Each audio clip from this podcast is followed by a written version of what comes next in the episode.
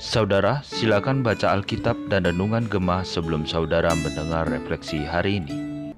Shalom Bapak Ibu, Saudara sekalian, senang sekali kita boleh kembali bersama membaca dan merenungkan firman Tuhan. Mari sebelumnya saya mengajak kita untuk memohon hikmat dari Tuhan, kita berdoa. Bapa kami yang baik, Bapa kami yang bertahta di dalam sorga, Tuhan kami sekali lagi datang di hadiratmu, memohon Tuhan boleh menolong kami, memberikan kami pengertian, untuk boleh membaca, merenungkan, bahkan melakukan kebenaran firman-Mu. Sertai kami Tuhan, bukakan mata kami, bukakan hati kami, telinga kami, sebab kami siap untuk mendengar. Hanya di dalam nama Yesus kami berdoa. Amin. Saudara, renungan gemah hari ini mengambil tema Allah sumber pengharapan, terambil dari Yesaya pasal ke-62.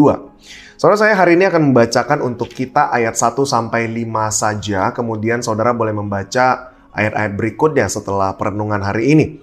Demikian firman Tuhan.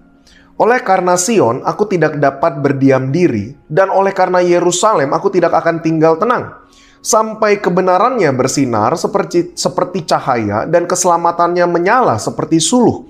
Maka bangsa-bangsa akan melihat kebenaranmu, dan semua raja akan melihat kemuliaanmu. Dan orang akan menyebut engkau dengan nama baru yang akan ditentukan oleh Tuhan sendiri Engkau akan menjadi mahkota keagungan di tangan Tuhan dan serban kerajaan di tangan Allahmu. Engkau tidak akan disebut lagi yang ditinggalkan suami dan negerimu tidak akan disebut lagi yang sunyi. Tetapi engkau akan dinamai yang berkenan kepadaku dan negerimu yang bersuami. Sebab Tuhan telah berkenan kepadamu dan negerimu akan bersuami. Sebab seperti seorang muda belia menjadi suami seorang anak darah, demikianlah dia yang membangun engkau akan menjadi suamimu. Dan seperti girang hatinya seorang mempelai melihat pengantin perempuan, demikianlah Allahmu akan girang hati atasmu. Saya akan jawab pembacaan firman Tuhan hari ini Bapak Ibu Saudara. Saudara pernahkah saudara merasa ditolak oleh orang lain atau merasakan sebuah pengabaian, diabaikan? Atau mungkin saudara pernah merasakan tidak percaya diri karena banyak kekurangan. Saudara perasaan seperti seorang anak yang ditolak, dimarahi karena menjatuhkan sebuah minuman atau memecahkan piring. Dengan penuh rasa ketakutan, kemudian anak ini melihat ke arah orang tuanya. Tetapi kemudian bukannya mendapatkan kemarahan, teriakan, tetapi justru anak ini mendapatkan pelukan, kasih sayang dari orang tuanya. Saudara, penerimaan seperti inilah yang Allah lakukan di dalam pasal 62 yang kita baca pada hari ini. Bukan pertama kali di dalam kitab Yesaya Allah mengatakan bahwa dia menghargai dan mengasihi dan menerima umatnya apa adanya. Allah ingin bersama dengan umatnya karena umatnya itu penting bagi dia. Bukan karena apa yang umatnya telah lakukan, tetapi karena memang Allah adalah kasih Allah melihat kita bahkan jauh melampaui dosa kita, kesalahan kita, kegagalan kita. Oleh karena itu Allah menanggung segala dosa dan kesalahan kita ke dalam dirinya dan memberikan kita sebuah pengharapan yang kekal. Saudara di dalam pasal 62 ayat 1 Allah menyampaikan kepada umatnya bahwa ia akan menyelamatkan Yerusalem sebuah kata paralel antara kata kebenaran dan keselamatan di dalam ayat 1 ini signifikan, mengingatkan Israel akan dua hal, saudara. Yang pertama, bahwa kebenaran Israel hanya mungkin karena tindakan penyelamatan yang Allah lakukan. Dikerjakan oleh Mesias atau hamba Tuhan di dalam pasal ke-53. Bukan sesuatu yang dihasilkan oleh Israel itu sendiri. Dan yang kedua, di saat yang bersamaan, bagian kombinasi ini menunjukkan tujuan tindakan penyelamatan Allah ini adalah sebuah kehidupan yang umatnya diinginkan atau diwajibkan untuk kemudian hidup di dalam kebenaran. Pernyataan ini kemudian diikuti oleh delapan ayat berikutnya yang ditujukan langsung kepada Israel. Sion dikatakan akan mengalami yang namanya sebuah transformasi.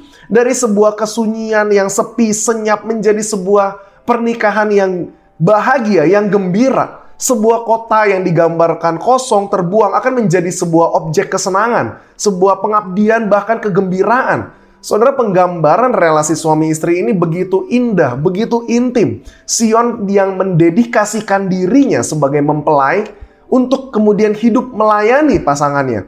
Tema ini berbicara tentang Allah tidak meninggalkan Sion, tetapi bersuka cita atasnya, seperti seorang mempelai wanita terhadap mempelai pria.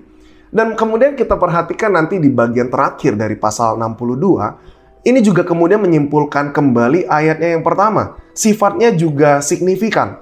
Pertama ini menjadi penggambaran dari jaminan kepemilikan dan kepastian sukacita yang akan dialami oleh Sion itu. Yang kedua, baik Israel bahkan maupun bangsa-bangsa lain kemudian juga akan menjadi saksi atau menjadi peziarah juga. Dan yang ketiga, janji telah dibuat bahwa mereka yang terlantar kemudian akan dinikahi dan disayangi. Bagian akhir ini menjadi sebuah penegasan tentang apa yang telah dijanjikan di bagian awal. Janji dari Allah kepada Israel bahwa mereka menjadi umat Allah yang benar, yang kudus, yang akan membawa bangsa-bangsa lain kepada Allah, mengenal Allah, dan menjadi umat Allah.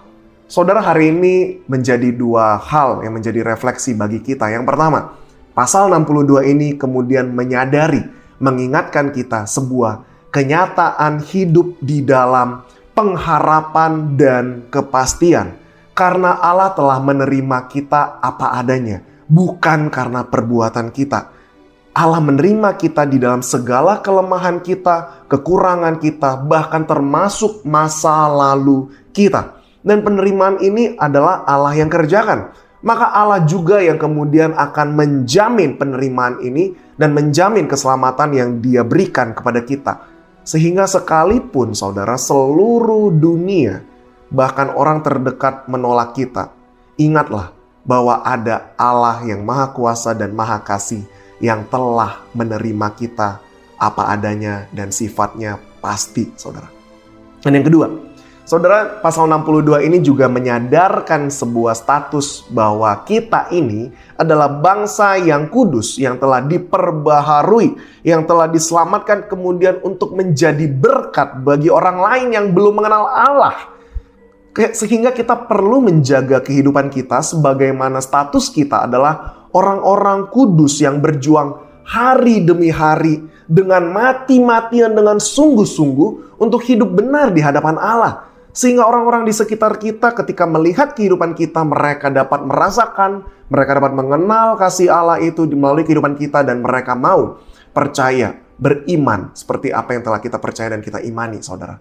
Mari kita hidup memuliakan Tuhan sebagai umatnya yang kudus yang telah dia jamin keselamatannya. Kita berdoa.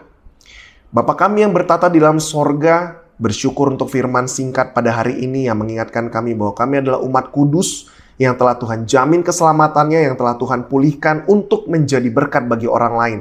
Tuhan tolong kami tidak mudah, terkadang kami jatuh, bangkitkan kami kembali, berikan kami kekuatan itu Bapa untuk berjalan bersamamu saja, dan kau boleh menemukan kami adalah hamba yang baik dan setia. Hanya di dalam nama Yesus kami berdoa. Amin. Tuhan menyertai, Tuhan memberkati Bapak Ibu Saudara sekalian.